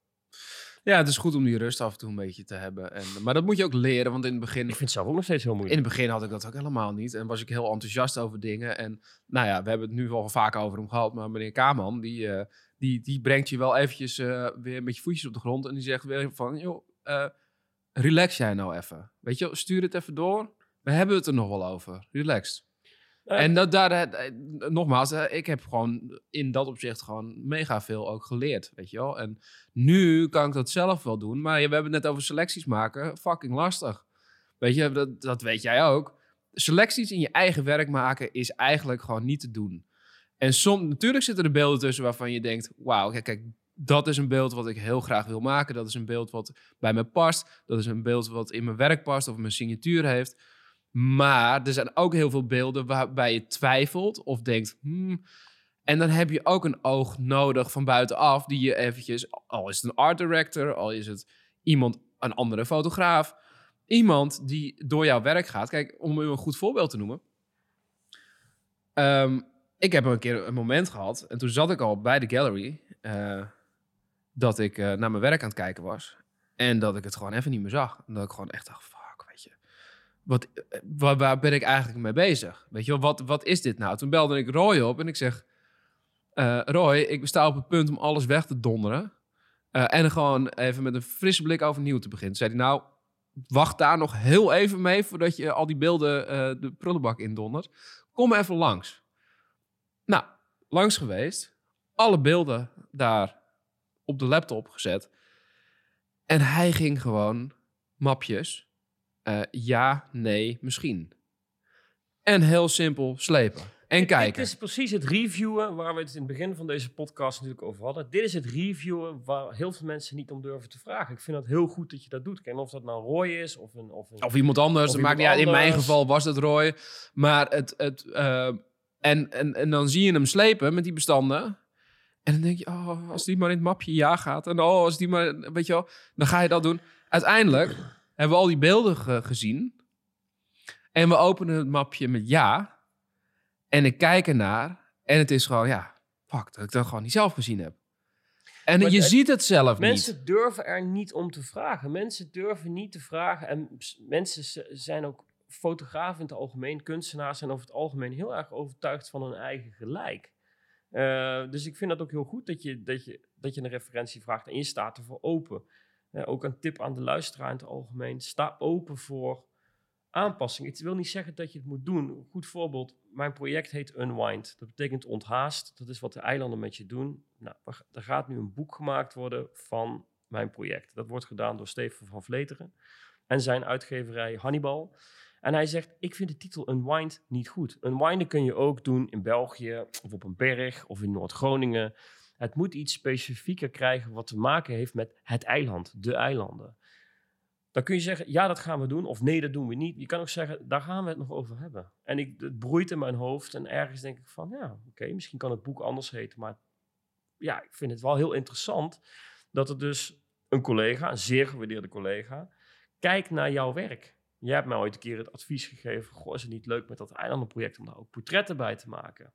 Heb ik lang over nagedacht en dacht ik, nee, dat wordt ruis. Daar heb ik ook over gehad, inderdaad, zoals je net aangeeft, met, eh, met Roy, Roy Kaman en nog met andere mensen. En toen dacht ik van, nee, daar wil ik wel echt vast blijven houden, houden aan het stramien wat ik voor mezelf gemaakt had, omdat dat dat voor mij het lekkerste werkt. Hè, er gaan wel mensen in beeld en ook niet. En, en het blijven allemaal liggende grote landschapsplaten waar je dingen in kan zoeken. Maar even veel korter de bocht te zeggen. Mhm. Dus je hoeft er niet altijd wat mee te doen. Maar laat het werk inderdaad soms even liggen. En als je het zelf niet meer ziet, ga naar iemand vraag toe, iemand Vraag iemand, ja. maar ook nog eens wat. Er zijn genoeg mensen... En we hebben het, heilige woord storytelling, wat me af en toe echt de neus uitkomt. Maar goed, het werkt wel. Wil je een documentair verhaal vertellen, ga naar iemand die gespecialiseerd is in het maken van, van eh, verhalen met fotografie. Wil je wat meer naar de art, ja, wat meer de artkant, ga praten met iemand die dat. En soms moet je er ook, klinkt een beetje gek, moet je betalen voor zo'n review. Er zijn mensen die zijn nogal, die, die, die, die moeten ook hun brood verdienen en die krijgen dit soort aan. Ik krijg heel veel van dit soort aanvragen, studenten krijg ik soms wel tien keer per maand. Ik zal dat ja of nee zeggen, maar ik zal er nog geen, ik vraag daar geen geld voor. Maar ook als je er geld voor moet betalen voor een review, of dat nou op een fotofestival is of een individueel. Ja, als de kwaliteit goed Doe is. het. Ja. Doe het. Investeer je geld niet alleen in het maken van een website of in het kopen van een camera, maar betaal soms ook een, een, een keurend oog. Iemand die twee uur met jou gaat zitten, eh zorg dat je goed voorbereid bent. Neem kleine prints mee, ongeveer aanzichtkaartformaat, dat je, hè, net wat jij doet op de computer, dat je het ook zo kan uitleggen. Zorg ervoor dat je je verhaal klaar hebt. Gaan we het weer over Eh, jezelf. weer eh, weer ja. over jezelf verkopen. Maar zorg er ook voor dat dat verhaal niet jouw waarheid is, waar je niet meer van af wil wijken. Zeg van, ik heb het zo bedoeld. Probeer het woord moeten eruit te laten. Van dit moet ik zo vertellen. Nee, ik wil dit graag zo vertellen. En aan de ander om dan eh, jouw vragen te stellen. Niet om je onderuit te halen, maar om te kijken, klopt het wat jij wil vertellen? Of kan ik er meteen, laat er maar een gat in schieten. Het is een beetje een populaire term, maar laat er maar serieus een gat in schieten. En kijk Maar, dan ook, maar ook dan weer, hè, we hadden het net over voor een groep eh, praten. En dat je over je eigen werk gaat nadenken. Maar daar is dit natuurlijk ook een goed voorbeeld van. Ja. Want je gaat over je eigen werk nadenken. En En wissel ook niet te veel van onderwerp. Jij hebt één stijl. Jij hebt, jij, ik, ik, ik voel als ik naar jou kijk, dan zie ik. Dan, dan, dan, dan, dan, dan, ik voel één stijl. Of je nou een landschap maakt, of een stil, of een, of een portret. Ik voel dat er een rust en een esthetiek van uitgaat. Die, dat is jouw. Hou vast aan die handtekening. En wissel niet te snel. Dus niet van de een op de andere dag van, zeker aan studenten die dit, die dit luisteren of naar mensen die ook in de fotografie, niet van de een op de dag naar ringflits, naar, naar Tintin-types, dan weer terug naar uh, nou ja, het, het, beetje, is hou heel... Het, hou het een beetje behapbaar. dat je Maar het is wel heel goed om te experimenteren. En Jawel, dat- maar zorg je er wel moet- voor dat het je- onder elkaar kan liggen. Nou, nee, wat ik, wat ik meer zeg is dat je moet, eh, om daar naartoe te groeien, moet je heel veel geëxperimenteerd hebben om te weten wat je wel en niet tof vindt. Ja. Maar als je dat eenmaal gevonden hebt, dan moet je er wel bij in de buurt blijven. Nou, een goed voorbeeld is eh, een oude leermeester van mij, eh, die echt een fotovader van mij is en ook nog een zeer gewaardeerde vriend, is Bert Teunissen. En die heeft zelf een heel groot project gemaakt eh, over Europeanen en over hun leefomgeving en dat dat straks zal verdwijnen, domestic landscapes. En die heeft mij ooit een keer het advies gegeven, heb je een project, bijt je erin vast en een goed project kun je omschrijven met één titel en twee zinnen waar het project over gaat. Dus één titel en twee zinnen waar het project over gaat. Dus formuleer voor jezelf een werktitel. Dat wil helemaal niet zeggen dat je daar aan vast moet houden. En twee zinnen die omschrijven wat het project inhoudt. En hou je daar, van als je het even niet meer weet, dan zeg je die zin hardop of de titel. En soms kan het wel werken om een boekje eromheen te lezen. En soms kan het werken om gewoon, zoals jij ook werkt, Bastiaan, gewoon hè, impulsief te kijken van wat doet beeld en vorm met me en hoe kan ik dat verdiepen. Maar die, dat kapstokje voor mij heeft ervoor gezorgd dat ik niet denk in, oh, dit zijn drie leuke foto's, dus dat is mijn nieuwe serie. Dat is hoe je echt vanuit de toegepaste fotografie waar ik kom, zo werkte dat. Drie is een serie. Nee, 100 is een serie. 200 is een serie. En soms heb ik wel eens de vraag gehad van, goh, ben je nou nog steeds bezig met die stadspark of die hoogwerker? Of, ja, ja, daar ben ik nog steeds mee bezig, ja. ja want dat, en nu merk ik doordat ik steeds van het, hè, de onderwerpskeuze is iets veranderd. Hè, van, van parken ben ik nu naar eilanden en misschien ga ik straks ooit nog een keer de hele Belgische kust fotograferen of in Japan. Maar ik voel me daar blij mee. Eh, is het een beetje eenzijdig? Dat kan. Ja, dan moet je misschien een ander werk, naar, naar het werk van een andere fotograaf gaan kijken. Ik hou daarvan. Ik vind portretten maken heel erg leuk. Maar het is geen schande om je wat langer vast te bijten in, in, je, in je onderwerp. Hè? Ehm, de, de, rode, de rode draad door je werk mag zichtbaar blijven. Moet, ja. Ja, vind ik wel. Als je, Maar dat is ook wel weer een soort van ehm, hokje, ho- ook weer hokjes denken. nou, ik zeg Want- niet dat het moet, maar ik zeg dat het voor mij heel erg goed werkt. Ehm, een goed voorbeeld, een heel goed voorbeeld vind ik altijd, en dat is echt, dat is een heel lelijk voorbeeld ook. Eh, we hebben natuurlijk een fotograaf gehad, eh, die kwam uit de Tweede Wereldoorlog, en een filmer, Leni Riefenstahl. En die heeft een boek, en zij is natuurlijk berucht en beroemd. Maar aan het einde van dat boek gaat ze ook onderwaterfoto's maken en stammen fotograferen. En het raakt kant nog wal in mijn optiek, omdat eigenlijk ik haar alleen maar in mijn gedachten heb voor wat ze eigenlijk gefilmd en gefotografeerd heeft voor het Derde Rijk. Ja. En dat is nogal discutabel te noemen, maar je kan niet ontkennen dat het mooi is, dat het esthetiek heeft. En of ze nou Olympia of Triomf des Willens heeft gemaakt, je ziet dat daar een handtekening in zit. Ja. Maar van een beschamend deel van onze geschiedenis natuurlijk.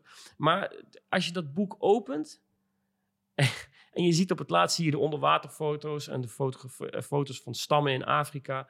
Nee, maar het, die- het, dat, het, dat, het- dat werkt niet in mijn het optiek. is het specifieke onderwerp wat het beladen maakt.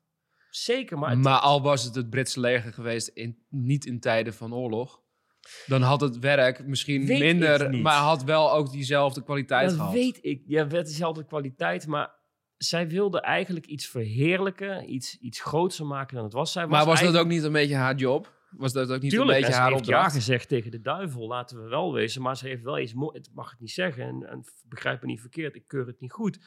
Maar er was geen betere reclamecampagne Ja. voor dat hele Rijk dan wat zij heeft gedaan. Ik denk dat zij dan mede verantwoordelijk voor is eh, dat het zo geslaagd is. En gelukkig ook afgelopen is. Maar ik, ik zeg alleen, het is natuurlijk een heel cru voorbeeld. Eh, laat het werk niet alle kanten opspringen.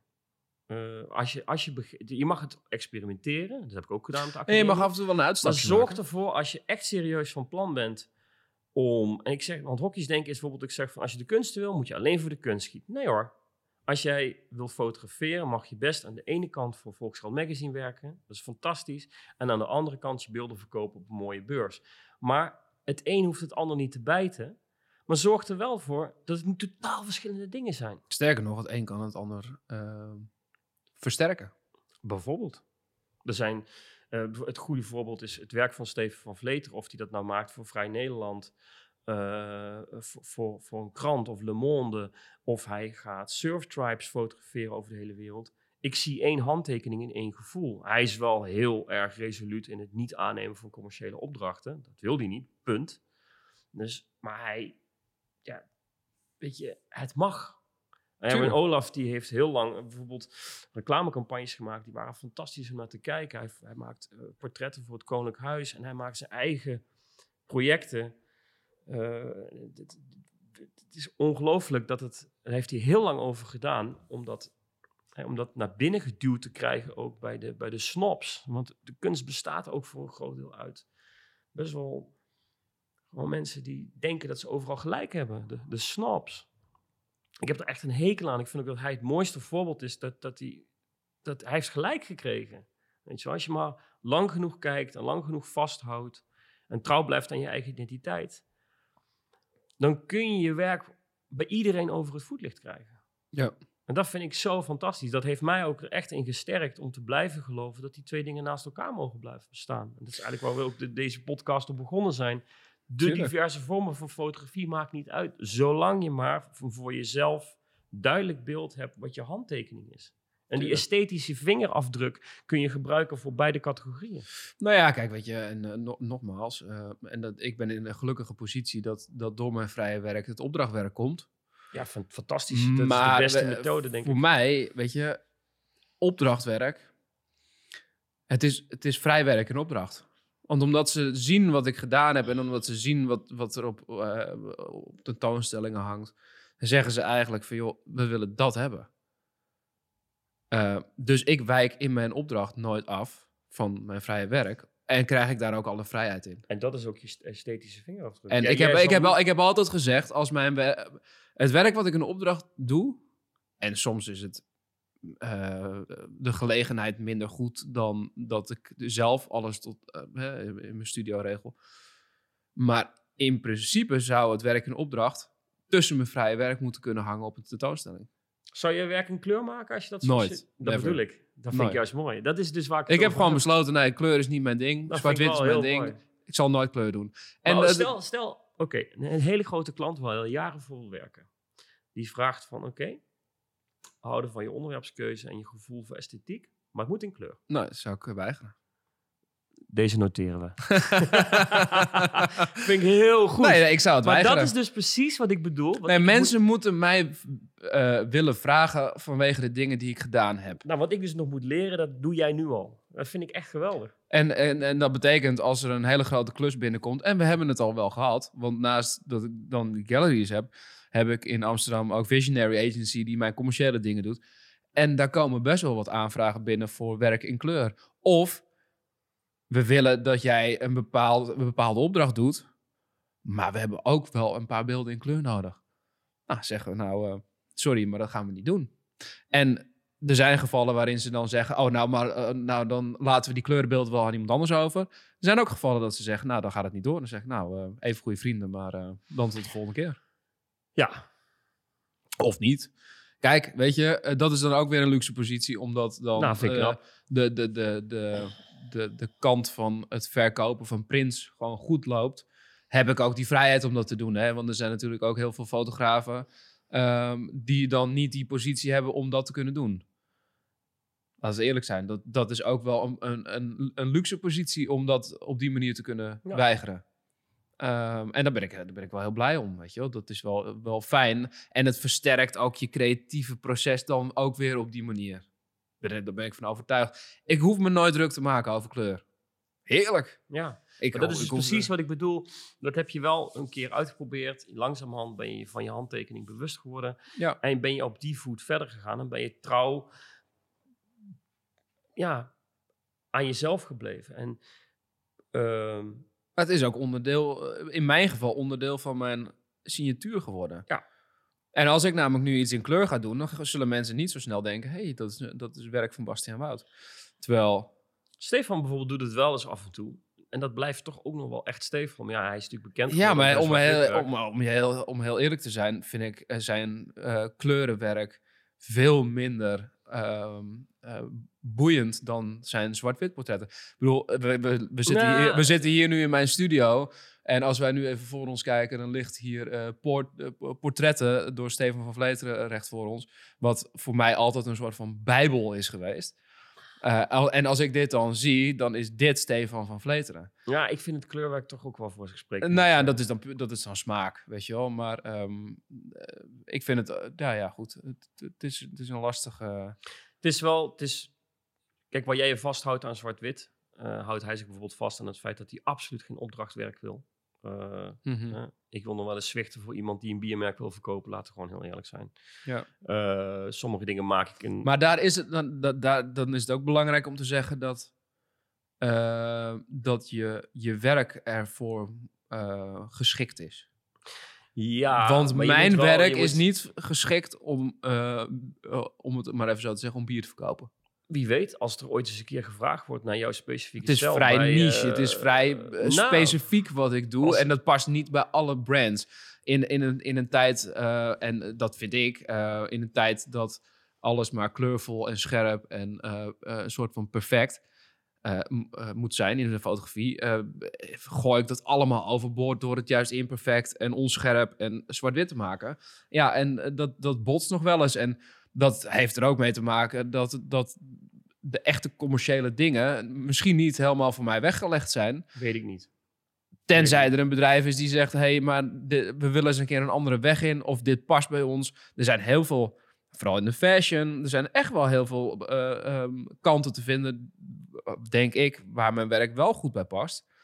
Ehm, maar ook heel veel niet. En Nou, het is, het, is, met name de zoektocht die we allemaal hebben. Of, eh, die moet er ook zijn, vind ik. Hè? Eh, als je denkt van, ah, nou heb ik het. Dit is het ei Columbus, hier gaan we nog 50 jaar mee door. Of noem maar wat, 30, 40, whatever. Dan, ja, dan kun je het goed stoppen.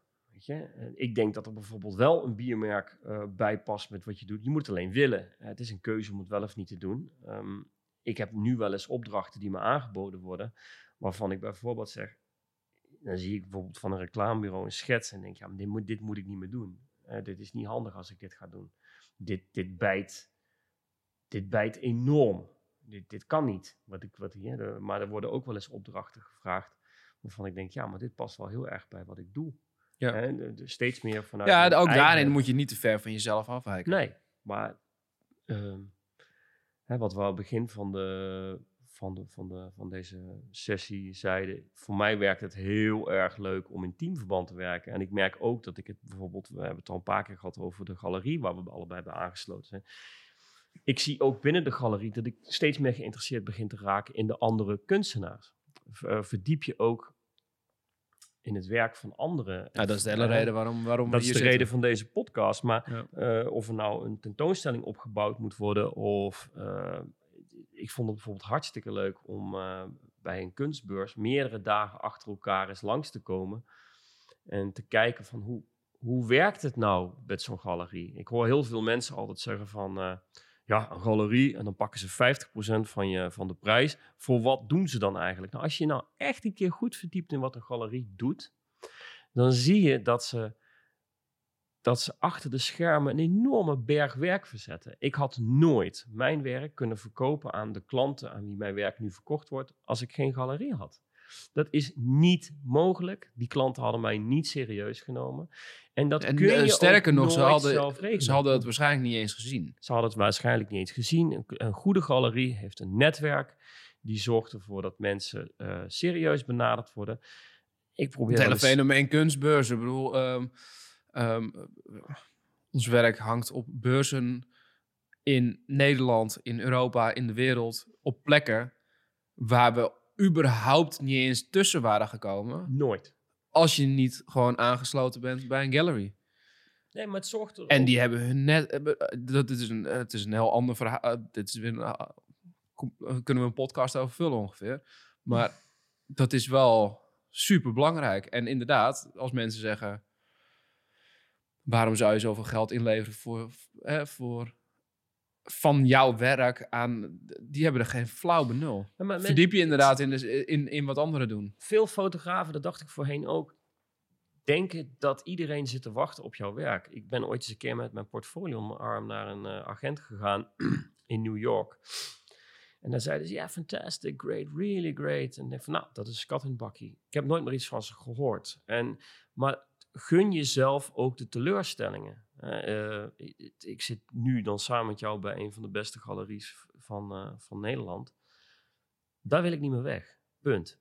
Daar ben ik heel erg trots op. Ben ik heel erg blij mee dat ik daarbij aangesloten ben. Maar ik heb er, nou op galeriegebied dan niet, maar ik heb wel behoorlijk wat teleurstellingen en afwijzingen gekregen. Van, van ja, je werk is er nog niet klaar voor. Of ga nog maar eens even lekker door. En soms krijg je ook best wel hele denigrerende berichten. Of zit je ineens voor een opdracht in een pitch met zes andere fotografen. Kijk, ik kan nu zeggen van oké, daar begin ik niet aan, want ik heb andere leuke dingen te doen in mijn leven. Maar ik neem ook wel eens opdrachten aan waarvan iedereen zegt, huh, jij? Dat betaalt toch niet? Nee, maar soms is het ook leuk om dingen te doen. En ook in de, weet je, zorg ervoor dat je jezelf wapent tegen teleurstellingen, want je gaat er een hoop krijgen. Mensen die je werk niet leuk vinden. En mag je een keer voor Linda Magazine of Volkskrant Magazine of voor Harper's Bazaar werken? Ja, het zal kunnen gebeuren dat je een misser maakt. Weet hoe je die misser opvangt. En misschien lukt het je niet en ben je die klant kwijt. Of misschien zit je bij een galerie aangesloten en blijkt dat maar van hele korte duur te zijn. Doorgaan. Ja, tuurlijk. Niet Doorgaan, neerzetten. doorgaan, doorgaan. Het is het allerbelangrijkste wat er is. Als je gelooft in wat je maakt, Ja, laat je niet weerhouden. En dat is met name wat we ook begonnen zijn met dit hele gesprek. Het is een heel alleen bestaan af en toe. Mhm. Als je het dan even niet ziet zitten of je weet even niet waar je naartoe moet, praat met collega's, praat met anderen. Misschien heb je zelfs een coach nodig, voor mij part een psycholoog. Maar laat je niet weerhouden door het succes van anderen. Of de, de, de, de miljoenen Instagram-volgers van je collega's. Of de, de, de, hè, dat je eens een keer niet verkocht hebt op een beurs. Eh, Ik zit nu vier, vijf jaar aangesloten bij een hele fijne galerie. Maar in het begin, nou, dat was, ik heb een beurs gehad in het buitenland. Daar is niets verkocht. Niets. Nou, dan moet je jezelf wel heel erg wapenen met je gemoed om dat, om dat aan te kunnen. Maar het blijkt dus nu dat heel veel mensen pas werk aankopen naarmate ze het steeds vaker zien. Ja. Mensen zijn, mensen, Nee, je Ga moet, navelstaren. Ja, je moet lange, lange adem je moet soms moet je een lange adem hebben en die heb ik nu en dat begint nu te lopen en dat is heel erg leuk. Maar voor mij is het ook nog geen gelopen race. Ik moet elke dag kijken, is dit goed? Kan het beter? Met wie zal ik eens praten? En dezelfde onzekerheid heb ik als 20 jaar, 30 jaar geleden. En die gaat niet weg. Als die onzekerheid weggaat, moet je ermee stoppen. Je moet natuurlijk niet alleen onzeker zijn. En je moet wel een beetje overtuigd zijn van je kunnen. Tuurlijk. Maar als je zelf ingenomen wordt of een onplezierig persoon om mee te werken, een galerie of een reclamebureau neemt je voor 50% aan omdat je een leuke kop hebt en een leuke babbel erbij. Als je daarnaast een asshole bent, dan is het gedaan met je carrière. Nou ja, ja absoluut. Eh, en ook wees, wees loyaal aan de mensen waarmee je werkt. Absoluut. Ehm, ik, ik heb het over eh, eh, mensen die prints maken, mensen die lijstwerk doen. Ehm, ik- daar zit ik al bij, ehm, al jaren bij, zelfs voordat ik ja, meer op mijn vrije werk, weet je wel. En die bl- blijft daarbij en dan zullen zij ook een extra stap voor jou zetten.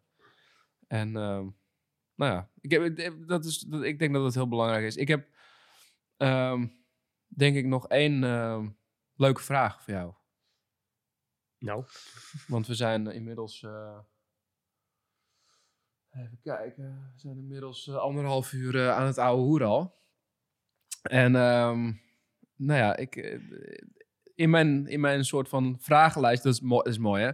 Ga ik eh, denken van, nou, ik moet toch wel even wat dingen opschrijven. Want als we dan zo'n gesprek hebben, dan heb ik een soort van eh, kapstokje. En ehm, dan zit, ik nu naar, dan, zit ik, dan zit ik nu naar zo'n lijstje te kijken. En denk ik, fuck, ik heb er gewoon niks uitgevraagd. Goed teken. Maar dan wil ik in ieder geval nog wel eentje doen. Want ehm, over het hele hokjes plaatsen. Mhm. eh, en ehm, ik, ik vind oprecht dat als ik kijk naar mijn werk... Hè, landschappen, portretten, stillevens... Maar het mixt zichzelf ook heel erg. Ja. Voor mij is een landschap soms een portret. En voor mij kan een portret soms weer een landschap zijn. Tuurlijk. Als, eh, als ik zeg mijn landschappen eh, zijn portretten, wat voor portretten zijn jouw landschappen dan? Nog een keer. Als ik zeg mijn landschappen kunnen ook portretten zijn, wat voor portretten zijn dan jouw landschappen? Waar Een landschap, een landschap kan voor mij karakter hebben. Ja, tuurlijk, maar waar rust uitstraalt, waar evenwicht uitstraalt, waar, eh, waar gulden snede, hè, de, de bekende gulden snede uitstraalt. Dat kan ook een portret zijn. En wat jij zegt over hokjesgeest en, en, en jouw portretten en jouw landschappen of jouw stils zijn met één handtekening, of dat nou visueel eh, qua stijl. Maar het, is, het voelt hetzelfde. Ehm, het laatste wat ik daar voor mezelf over zeg. Ik maak natuurlijk ook portretten en landschappen. Maar waarom het elkaar niet bijt, is omdat ik doe bijvoorbeeld mijn beeldbewerking niet zelf. Ik werk met eh, een beeldbewerker Jan Stel. En niks gaat de deur uit zonder dat het eerst helemaal in mijn grading, in mijn gevoel, in mijn kropping zo is gemaakt dat het één vorm heeft. Hè? Als je zelf, dat is echt ook nog een tip aan mensen die luisteren de dingen die je zelf niet goed kunt, of dat nou is boekhouding of styling of fysici, of je bent niet zo heel Je goed besteedt in- het uit. Ja. Besteed het uit. Weet je wel, kun je zelf geen teksten schrijven voor je website, besteed het uit. Zorg ervoor dat je het in ruil doet voor werk. Kun je, ga, Ja, sommige niet, mensen zijn beter in dingen dan, eh, ga niet zelf dan, lopen dan andere mensen. Als je het niet kan, Doe, het, dan niet. Weet Ja. je? ja, dat zal wel goed komen. Nee, assumption is the mother of all fuck-ups, is mijn stelregel. Niet doen. Als jij in de veronderstelling bent van, dit zal wel passen. Nee, want ga het maar eens groot printen. En ineens zie je dat een beeld wel bending heeft. Hè? Dat zijn Ja. dus kleurschakeringen die niet kloppen. Ja, en zoek, en zoek, en niet alleen mensen die je helpen. Je krijgt maar één kans. Je krijgt maar één kans om bij een eh, curator binnen te komen. Je krijgt maar één kans om binnen te komen bij, bij een reclamebureau. Zorg dat je presentatie op orde is. Een reclamebureau of een curator kijkt niet naar Instagram, maar wil een portfolio zien. Ja. Of dat nou Nee, op de maar het- iPad is of wat, maar weet je... Ik ben er ook van overtuigd dat niet alleen zoek mensen die je daarbij helpen. Maar, en dat, dat, dat vind ik dan. Zoek dan ook meteen de beste die je daarbij kan helpen. Tuurlijk. Want als je het doet, Ja, doe het fucking goed. Weet En, je wel? en presenteer jezelf van, ja, maar uit het, uit het oogpunt van kostenbesparing doe ik maar geen mooie lijst met museumglas. Jawel, Ja. wel doen. En dan, Zorg- doe je, dan hang je er in plaats van drie, hang je er één op. En zorg Ja. voor een goede sponsor. Ga naar een lijstenmaker en laat je werk zien. En zeg van, wil je me helpen voor de helft? Ja. Wees brutaal. Zo ben ik ooit aan een camera gekomen, aan, aan, aan veel contacten. Maar niet onbeschoft, maar durf te vragen. Ja, brutale hebben de En halve gaat- wereld. Hè? Ga het niet zelf oplossen. En om terug te komen op jouw vraag van... Wat is jouw portret? En ik ben altijd op zoek naar een soort van esthetische rust. Ik zou willen dat ik... eh, soms zie ik wel eens werk wat met één handflitser gemaakt is. En of dat nou een landschap is of een, of een portret. Dat is die stijl. Dat is mooi. Dat is, dat, is, dat is één handtekening. Waar ik nou op zoek ben, is rust, evenwicht en een bepaalde zeggingskracht die uitgaat van of dat nou een boom is die in het midden staat van een, van een landschap of het ene oog wat net iets meer opgetrokken is van, van een portret, waardoor ik me af ga vragen wie is diegene.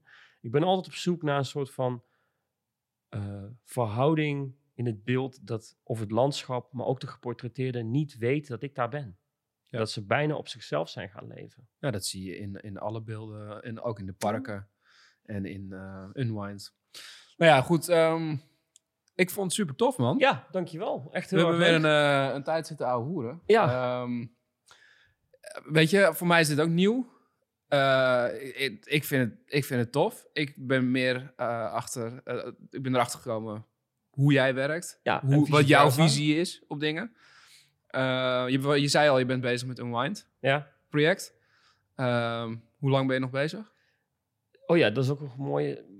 Je mag voor jezelf een einddatum maken voor, voor projecten, maar Geen idee nog. vergeef, wees niet te strikt. Ik hoop nog een anderhalf jaar, twee jaar door te kunnen gaan voordat het boek er is. Ja. Eh, dat heeft te maken met de seizoenen en te maken met bepaalde onderwerpen die ik nog heel graag aan bod wil laten komen. Maar zet ergens wel een keer een punt achter. Op zich, Ja. als je, eh, hè, ik zou heel graag bijvoorbeeld nog Japan willen doen in mijn hoogwerken, of ik zou heel graag de hele Belgische kust voor een groot museum nog willen maken. Dat, dat gaat gebeuren, punt. Maar eerst dit. Oh, dat is trouwens nog even een klein zijdingetje. We hebben natuurlijk wat tips en, adv- eh, en- en adviezen gegeven. Waar ik bij zweer is schrijf dingen op. Ik Ja. hoor jou nu zeggen, ik wil de Belgische kust voor een groot museum doen. Schrijf het op. Schrijf het op. En ik ben ervan overtuigd, ik heb het namelijk zelf meerdere keren meegemaakt. Schrijf het op. In je onderbewustzijn ga je naartoe werken en het gaat een keer Ja, gebeuren. maar en als het niet nu is, dan is het misschien over tien jaar. Maar als je het nu opschrijft, ik heb laatst een briefje, een lijstje gevonden met ehm, magazines waar ik graag voor zou willen werken. Ik had er vijf opgeschreven, ik denk vijf jaar geleden. En ik vond het briefje en ik heb voor alle vijf heb ik gewerkt. Kijk. Kijk, en dat werkt gewoon. het Het, werkt. werkt echt. Dus Zet dat je is- doelen inderdaad in een logboekje op papier. Als, al, al zet je het, al doe je het in je tas. Ja. Maar schrijf inderdaad dingen op. Maar ook eh, dingen die je inspireren. Of dat nou, weet je, eh, schrijf het op. Eh, maak een bibliotheek in je hoofd door werk te bekijken. Je hoeft het niet na te maken. Ja, in het begin mag dat nog. Eh, maak het werk van mij of van Bastiaan niet na. Maar doe het wel één keer. En kijk, waarom is dat zo gemaakt? Ja, en hoe is het gemaakt? En hoe is het Ja. gemaakt? En, ga En daarna- haal daar die dingetjes uit die je voor jezelf kan gaan gebruiken. de- de- eh, de- zorg ervoor dat degene die je bewondert nooit rechts op je schouder gaat zitten. Dat je altijd naar rechts moet kijken om te kijken, vind jij dat zo goed? Nee, je moet voor jezelf werken. Altijd. Oké, Oké. ehm, thanks nogmaals. Eh, waar kunnen we je, je, je werk vinden?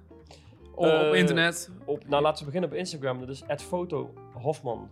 Dus @foto met ph foto Hofman. Ja, En Website? www.jeroenhofman.nl. jeroenhofman.nl. Eh, ja, dankjewel voor dit. gesprek. Nou, jij bedankt. Eh, ik ben natuurlijk Bastiaan Wout en Jeroen Hofman was bij mij. En we gaan lekker verder. Ik vond het tof om te doen. Dus Dankjewel. tot de volgende keer. Super. Thanks.